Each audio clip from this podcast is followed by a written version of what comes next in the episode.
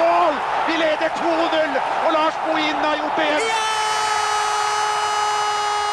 Dagny Melgren, Norge!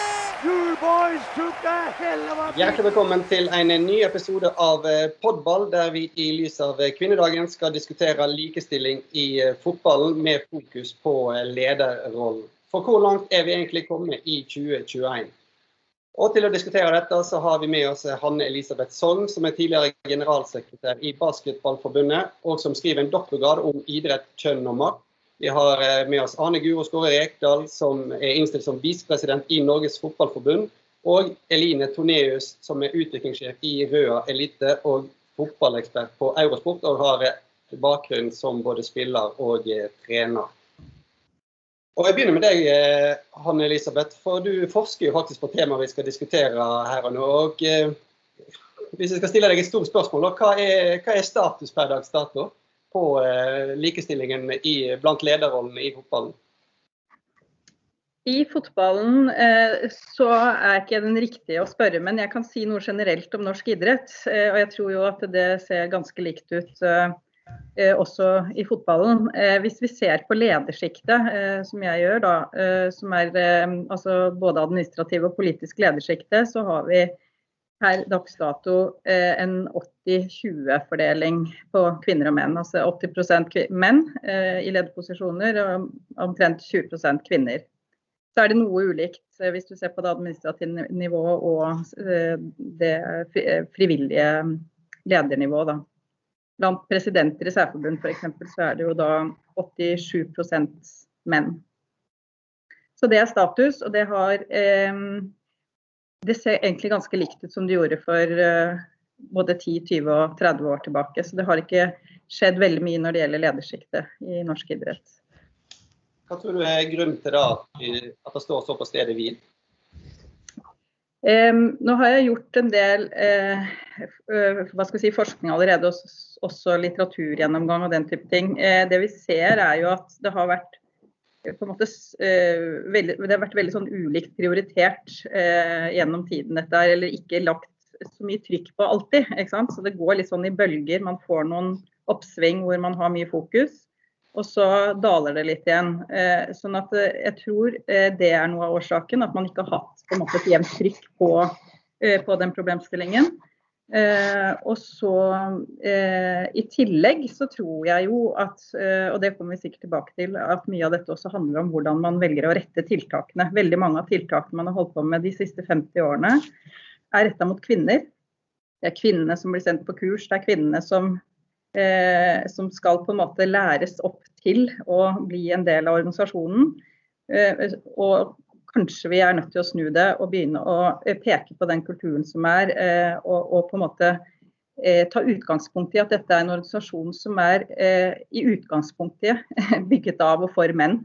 Eh, og at med det så legges det en del premisser og en del hva skal jeg si, eh, praksiser man bedriver som, som, som, kan bidra til at at det står på, på stedet hvil. da.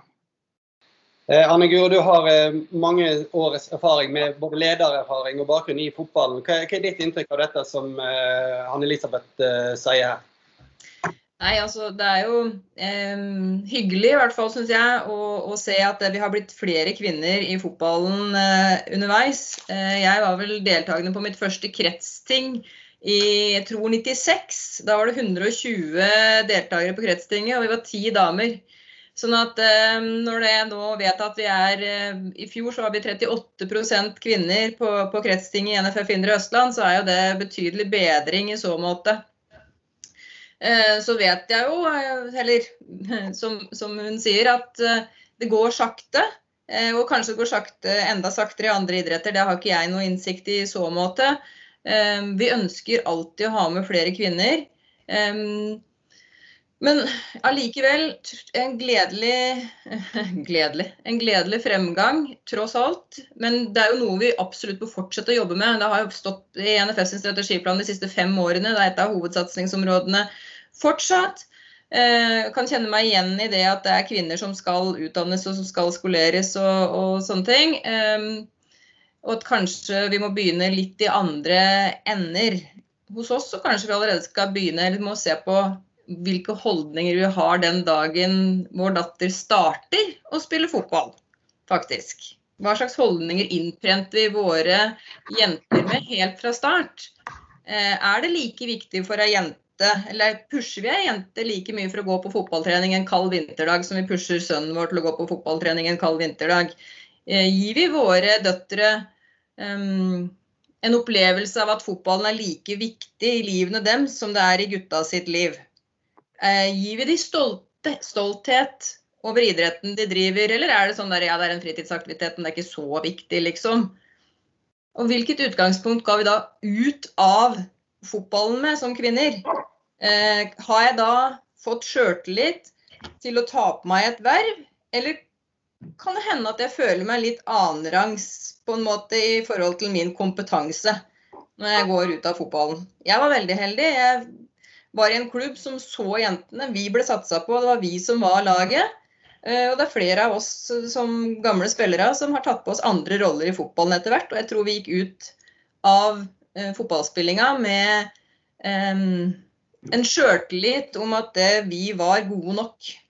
Eline, du, som du var inne på, du har spilt før, og du, jo, du er en av få damer som faktisk har trent eh, herrelag. Eh, hva, hva hadde vært din erfaring med å, å, å ta stegene opp i, på fotballstigen og, og, som jente?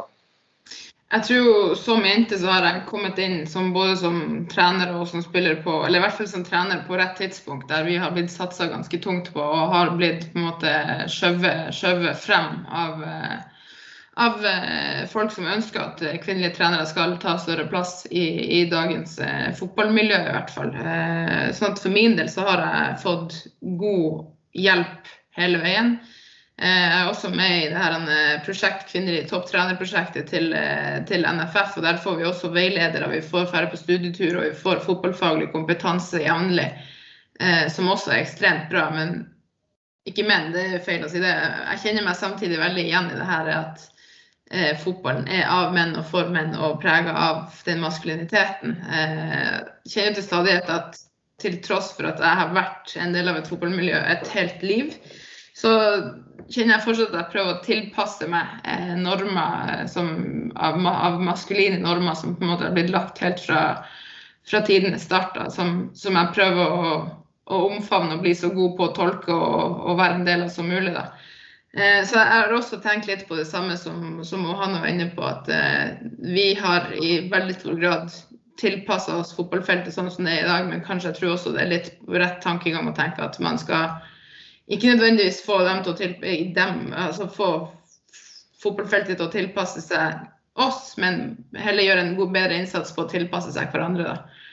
Eh, for da tror jeg at man har bedre forutsetninger, ikke bare for å for å forstå og gjøre fotballfeltet til, til, noe bedre, men det faktisk ta og kjenne litt på hva hverandre føler på, da, og, og, og, og kjenne hver, hver, eneste dag. Eh, spesielt med den første dagen jeg hadde som, som trener for, for herrelaget til Skjervøy, så kjente jeg at jeg gikk rett inn i en rolle der jeg måtte fremstå som prøvde å være så lik som mulig som mine tre eldre brødre. og Sånn som jeg ser at de fremstår som trenere. Der jeg på en måte nesten hermer litt etter både kroppsspråk og ting de sa, og på en måte aggresjon i tilbakemeldinger, f.eks. For, eksempel, for at jeg følte at det var det som var forventa.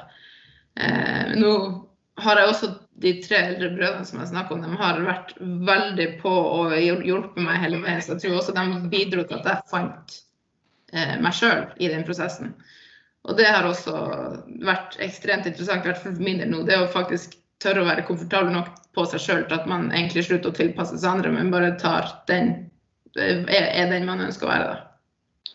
Men Hanne, hvorfor, hvorfor, tror du det er sånn som Eline beskriver, at, eh, at, jenter nesten føler at de må opptre som menn for å bli akseptert i den rollen? Hvorfor, hvorfor, er samfunnet sånn at, en, at det ikke er like naturlig for jenter å gå inn og være seg sjøl 100 og føle seg akseptert som det? Men er det ikke sånn, litt uansett felt vi snakker, at man vil helst ikke være annerledes på en måte? Altså at man fort velger å Og det tenker jeg er veldig viktig å få fram i denne debatten her, at det gjelder uavhengig av kjønn også. Altså, du har jo også menn som skal leve opp til disse idealene og prøve å være menn på en bestemt måte. Og så kommer damene litt sånn eh, rekenes etter eh, og, og veldig naturlig, tenker jeg, prøver å og også eh, ikke stille for mange spørsmål, kanskje, og, og tilpasse seg det som er. Så jeg tror, jeg tror det er veldig sånn universelt menneskelig på et vis. Eh, men det vi trenger å bli klar over, er jo og Jeg syns det er utrolig interessant å høre om dine erfaringer og, og, og det at du eh, Ja, du setter veldig fine ord på hvordan du eh, selv reflekterer over din, hva du har gjort. Eh, hvordan du måtte opptre osv. Jeg tror de erfaringene er kjempeviktige å få fram. For da, da får man liksom anledning til å eh, ja, få synliggjort hva det er vi gjør i praksis, da, eh, og som kanskje ikke er så heldig med tanke på å, å få med et, større mangfold eh, både av menn og kvinner. For det, det, tror jeg også man trenger. Eh, ikke en, en, en stereotyp type mann heller. Altså, det er mange måter å være menn på, det er mange måter å være kvinne på. Så, så det mangfoldet, uavhengig av kjønn, tror jeg er eh, viktig å bringe, bringe til torgs. Hvordan kan man legge til rette for at, uh, at disse barrierene skal brytes ned, sånn som du ser det? At det skal være mer naturlig å, å komme inn som jente i fotballen? Dette syns jeg er kjempevanskelig å svare på, fordi at jeg har på en måte egentlig aldri altså Som spiller så eh, opplevde jeg å få en del negative tilbakemeldinger. Det lenge siden jeg var spiller, så det var på en måte kanskje enda mer fordommer, hvis man skal si det, mot jenter som spilte fotball. Forhåpentligvis har vi ikke så mye fordommer lenger, men eh, vi opplevde i hvert fall det. Men, men etter jeg kom inn Jeg ble jo spurt da jeg var 19 år om jeg ville sitte som spillerrepresentant i styret i den klubben jeg spilte i da. Jeg hadde jo ikke snøring på hva et styre var. Jeg trodde at drakter kom dalende ned fra himmelen. altså Jeg var helt blank. Så jeg vet ikke hva de fant på som skulle ha meg inn der. altså Stakkars styrereferatet deres kom sånn to måneder i etterkant og, og noe sånt. Men de holdt noe ut med meg. Uh, og de hjalp meg på veien. Og det tror jeg kanskje er uh, en greie, da. At jeg tror vi må hente inn um, sikkert både gutter og jenter, men kanskje spesielt jenter, litt tidlig. Um, og så være med å bygge dem inn i organisasjonen og vise at denne organisasjonen den, den er gøy å være med i. Du får masse igjen i form av kompetanse. Du, du møter folk, du bygger nettverk, du kan få noe på CV-en din som du kan bruke videre i livet. Altså, det er så mange positive ting du kan ta med deg. Og jeg har aldri opplevd etter at jeg kom inn um, i styrer i Fotball-Norge og blitt fått noen som helst slags negativ mottakelse. Så jeg tror også at vi damer som, som er med, vi må være mye flinkere til å fortelle at det her er et bra sted å være. da. Det er kanskje ikke så skummelt som det ser ut som fra utsida. Eh, vi må framsnakke de her rollene. For vi er de beste rekruttererne, tenker jeg, til å få med oss andre jenter og kvinner. Um, til å være med uh, og, og, bygge organisasjonen breiere. For det er jo ingen tvil om at det er en kjempefordel for organisasjonen å ha både kvinner og menn, fordi vi utfyller hverandre på en måte, men også fordi at vi alltid trenger flere folk. Men den dynamikken vi får ved å være begge kjønn, den tror jeg er veldig viktig. Men igjen, det er kanskje litt Jeg føler i hvert fall kanskje at, man, at uh, idrettsorganisasjonen har fått litt sånn ufortjent skummelt rykte på seg da, for kvinner. for jeg har aldri opplevd det på den måten. Uh, og så skal jeg ikke si at sånn er det for alle, selvfølgelig. Dette er min personlige opplevelse av det.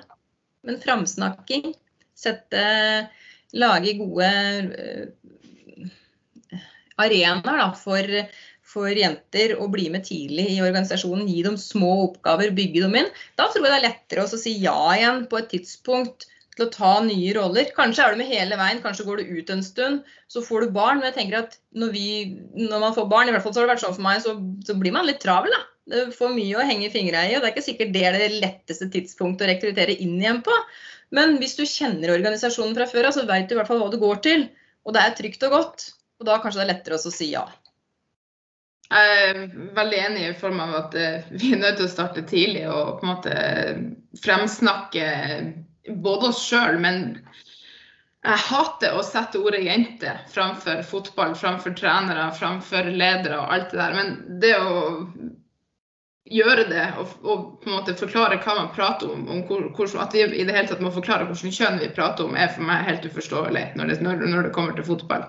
Og det, jeg kjenner Hver gang jeg må forklare om jeg snakker om jenter eller gutter til, til folk, så blir jeg nesten litt sånn forbanna på meg sjøl for at jeg ikke klarte å forklare det godt nok. på en eller annen måte. Men samtidig så er det opp til samfunnet at når jeg prater om fotball, så burde ikke kjønnet ha noe å si. Eh, I tillegg til så tenker jeg at vi som, som ledere, trenere, tidligere fotballspillere, hva det måtte være, når vi snakker med yngre fotballspillere, så må vi legge fram til dem så fort som overhodet mulig at fotball er et reelt karrierevalg. For det tror jeg ikke det er veldig mange som tenker per nå. Eh, når, jeg var, når, jeg var, yngre sjøl, tenkte jeg at jeg visste at det, det, skulle sinnssykt mye til for å leve av enten å være fotballtrener eller fotballspiller, men jeg tenkte at jeg håpte, håpa i det lengste at kanskje det går an til likevel.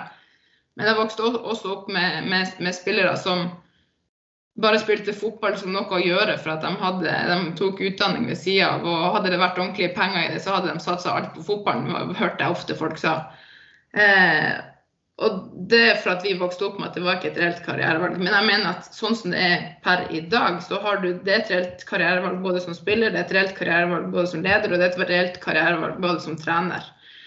Og det er vi nødt til å presentere til de yngre jentene som, som vokser opp og spiller fotball. For dem, da tror jeg de kommer til å gå ganske tyngre inn for å satse på, på fotballen som, som, eh, som, en del av fremtida deres. Eh, og sånn som vi prater om fotball på i dag, så, test, så sier vi at du må ta en annen utdanning ved sida av. Du er nødt til å kanskje eh, se på andre alternativer for å holde på med idrett, for kanskje at det er mer reelt å leve av det i fremtida enn det fotball faktisk er. Og der tenker jeg at vi skyter oss sjøl i foten hver gang vi snakker ned om fotballfeltet som, som et karrierevalg. Men eh, vi har jo i dag eh, for å det frem, altså vi har jo f.eks. hos oss i NFF så har vi Lise Klavenes som er leder for eliteavdelingen. Vi har Vibeke Johansen i Brann og vi har Tove Mo Dye i Rosenborg. Har det ikke skjedd mye på den fronten, eh, sånn som eh, dere ser det? Jeg hadde lyst til å legge til, fordi eh, jeg startet jo litt sånn i toppen sant, i norsk idrett. Eh, og Det som er viktig å få fram, er jo, som, som, dere på en måte vektlegger, eller eh, sier også, at det har jo skjedd en generell likestillingsutvikling i idrettsorganisasjonen. Man, man har jo en mye større representasjon av kvinner i styrer og stell. og det gjelder på en måte alle, alle nivåer. Så, så, det er viktig, viktig å se at det har skjedd. Men ledersjiktet der kommer ikke kvinner eh, på en måte til, eller vil ikke, eller gidder ikke, eller hva det skulle være. Jeg tror at um, Det er jo som dere er inne på det her med å, starte tidlig på alle nivåer. Jeg tror også det å følge jentene eh, om mulig litt tettere eh, underveis. Plukke ut talenter eh, som kan ha ulike funksjoner i uansett hvilken idrett vi snakker om, og jobbe med de over tid. Eh, for det er jo på en måte ikke noe det er ikke holdningene som dere også er inne på, det er ikke holdningene heller jeg ser i, i, i mitt forskningsmateriale det er noe eh, galt med. Men, men, men mer, eh, mer, at eh, man må, må, rett og slett få bli kjent med organisasjonen og, og, og komme inn i eh, og se hva, hva, det handler om. Da. Så, så, det er flere forhold her som er barrierer. Og så er det noen, Hvis man begynner å snakke ledersjiktet, så tror jeg det er noen litt andre barrierer igjen, men det kommer vi kanskje tilbake til. Eh, som, som, også er nødt til å problematiseres, og som henger sammen med, som man for så vidt er inne på her også, eh, kjønnsrollemønstre. Det tradisjonelle kjønnsrollemønsteret. Kvinner gjør sånn, menn gjør sånn. Vi gjør sånn med jenter, sier det til jenter, sier det til gutter osv. Det er en ganske kompleks problemstilling, så det er flere ja, flere ting vi er nødt til å, å, ta tak i samtidig. Men språk og holdninger selvsagt eh, overfor jenter er kjempeviktig. Et utviklingstrekk som vi, vi, ser, er jo at jo nærmere selve sporten vi kommer, jo færre kvinnelige ledere eh, blir det. Hva er grunnen til det? Nei, altså Hvis jeg skal prøve å, å tenke meg fram til hvorfor, så, så tror jeg at vi er inne i en periode nå der vi på en måte Sånn som meg, da, så, så får jeg ei utdanning nå på, både på, på fotballfaglig og ledersida som, som jeg kommer til å, å nytte stort av i framtida. Eh, og jo flere som på en måte får tatt del i sånne typer prosjekter, enten om det er via NFF eller om det er via kretsen eller det er via klubber, så tror jeg i framtida kommer vi til å se ganske mange flere inn i, i, når det kommer, jo nærmere fotballen det kommer, sånn som du sier. Eh, men per i dag så tror jeg det er mange som kjenner på at de ikke har kompetansen eller kunnskapen til å kunne stå i det på en god nok måte. Da. Eh, jeg kjenner i hvert fall det personlig at min store drøm er jo å være hovedtrener på et, eh, på et, toppnivå, men per i dag så føler jeg meg ikke i nærheten til god nok til å være det. sånn at det er litt sånn det å føle at man har den tryggheten til å faktisk kunne gjøre de jobbene som vi snakka om litt tidligere også.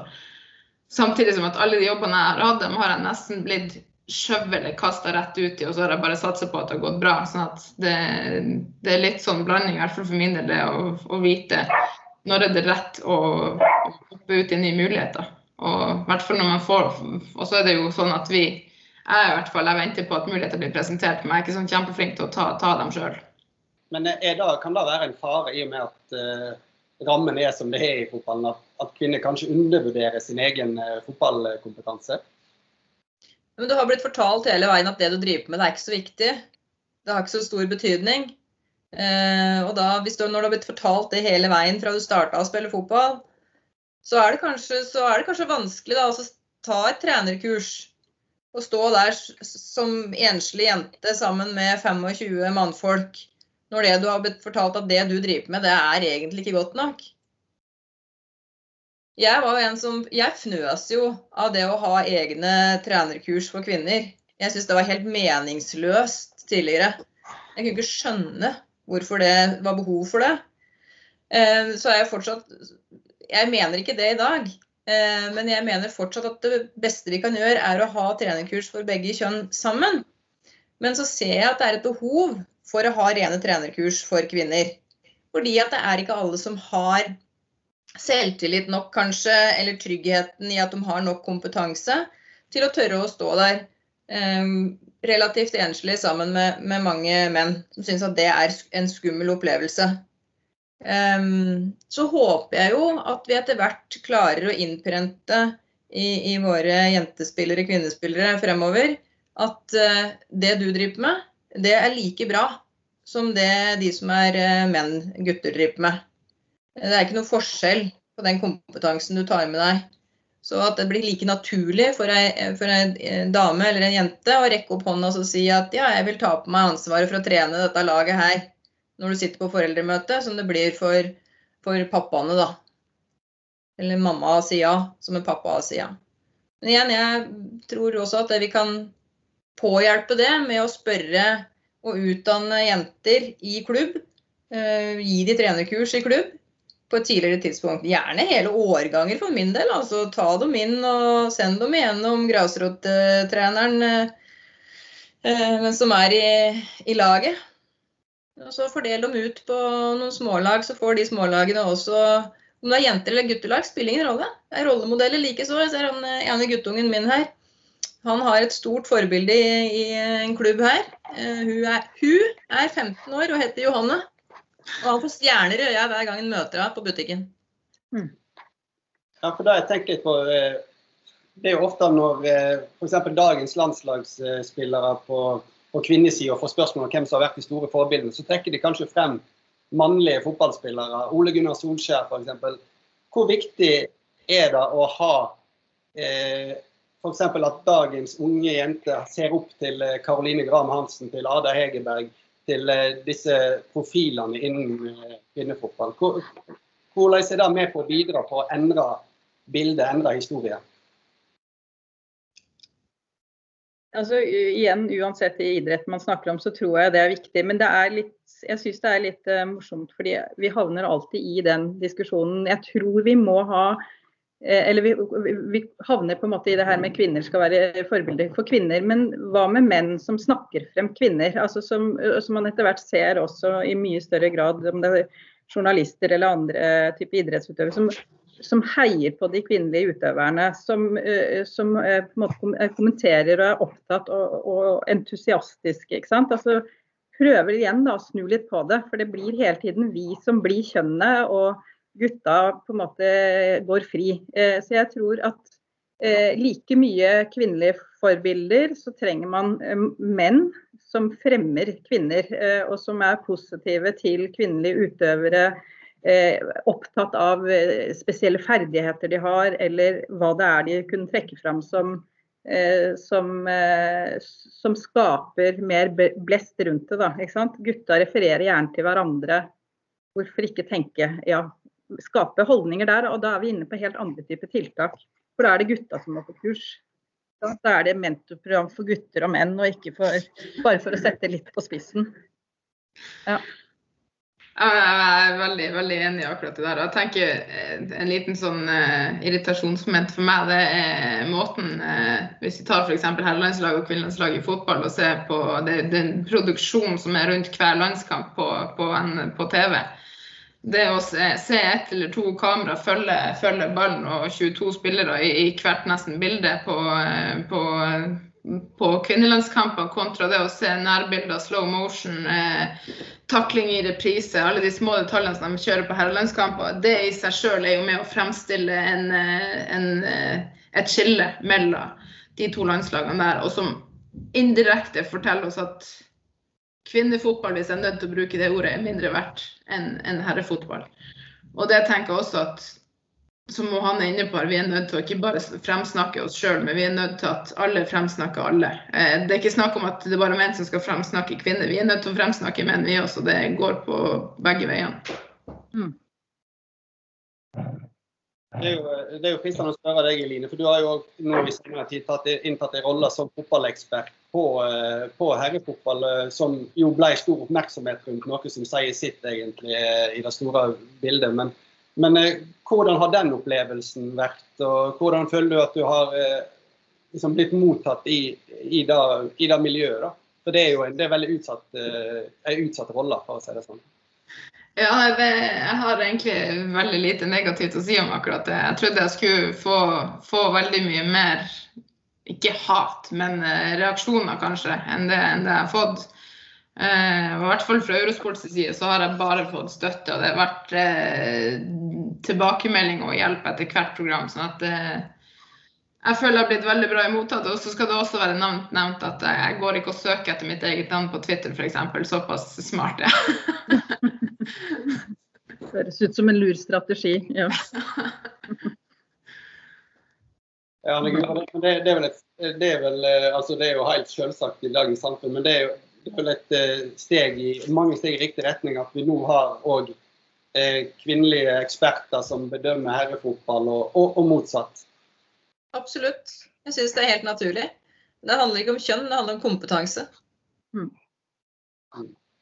Og det, det, det må jeg bare skyte inn. De, de på en måte, det, er jo på, det er jo på Twitter man går og sjekker etter hver sending for å se hvordan man har klart seg. Og det, de diskusjonene og tilbakemeldingene som man får der, det går i åtte av ti tilfeller på fotballfaglig kunnskap. Og det syns jeg også er et veldig bra tegn på at man, man, man, man dømmer for, for, på en måte det som man sier, istedenfor hvordan man ser ut. Og, så får du selvfølgelig noen som som er nødt til å, slenge ordet dame eller kvinne eller et eller annet foran eh, hver ting de sier. Og det, men det er færre nå har den opplevd, enn det var før. Eh, han det er et, eh, et punkt i doktorgraden som heter 'Veien videre'. Eh, hvordan, hvordan ser den ut, sånn som hvis du vil reflektere litt rundt det? Oh, det, ja, det er fristende å si at så langt har jeg ikke kommet. Men det er klart jeg gjør meg noen tanker underveis. Altså, eh, det er jo noe med å, å, snu litt på perspektivet her. Det tror jeg er kjempeviktig. Eh, og ikke for på en måte å skape det, gjøre det til en, på en måte, konflikt mellom menn og kvinner, men jeg tror menn må mer på banen. Eh, og det er vi bare nødt til å snakke om. Uh, og det handler ikke om holdningene, men det handler om at vi må se på egne måter å gjøre, gjøre, ting på, praksiser. Altså kvinner som skal inn i verv, lederverv i idretten, de er helt avhengig av, sånn som jeg ser blant disse mannlige informantene jeg har, å ha en snill, hvis vi snur på det, snill mann hjemme som tar seg av hus og hjem. Det er det, altså det man kommer ikke utenom. Det må rett og slett um, snus. ikke sant? Og da snakker man jo i store sammenhenger her. Men det er, så det handler jo om endringer i samfunnet generelt. Um, for det er ikke bare altså det, det, jeg, er liksom overrasket. Det tar, det tar, mye tid, enten du er administrativt ansatt som leder i idretten eller eh, politisk, har et politisk verv. eh, så er det en sånn 24-7-jobb, nærmest. Eh, og da må du, må du ha noen støttespillere, eller eh, ja, tenke annerledes rundt e- eget liv, da. Men det, så det er én side ved det. Eh, eh, og så eh, tenker jeg jo at det er mulig å gå inn og se på. Nå har man jo et eksempel nå gjennom korona, f.eks. dette med eh, digitale møteplasser. Det er enormt mange møter som, som arrangeres til idretten gjennom et år. Eh, hvis du aspirerer til visepresident, så er det jo ikke sant, ledermøte, ting, det er egne ting. og det er, altså, Du kan gå på møter og møter og møter, eh, bare for å sette litt på spissen. og Kanskje man er nødt til å tenke ja, nei, vi fortsetter med en del eh, digitale møteplasser. fordi da kan hun fra Tromsø som er firebarnsmor være engasjert eh, i, som leder i eh, Motorsportforbundet eller eh, Bowlingforbundet eller hvor det skulle være. Eh, og uten å måtte på en måte reise og, og bruke veldig mye eh, tid på, på det. Så, så, så det er jo på en måte et eksempel på en type praksis man, man kan se nær- nærmere på. Jeg må bare få si at jeg beklager at jeg lo av den der med å ha snille menn som eh, ordner huset og sånn hjemme. Det er veldig fjernt fra min hverdag, så jeg syns det var litt vittig. Hva sa du at det var, at det var Veldig, langt fjer- veldig fjernt fra min hverdag, så jeg syns det var litt vittig.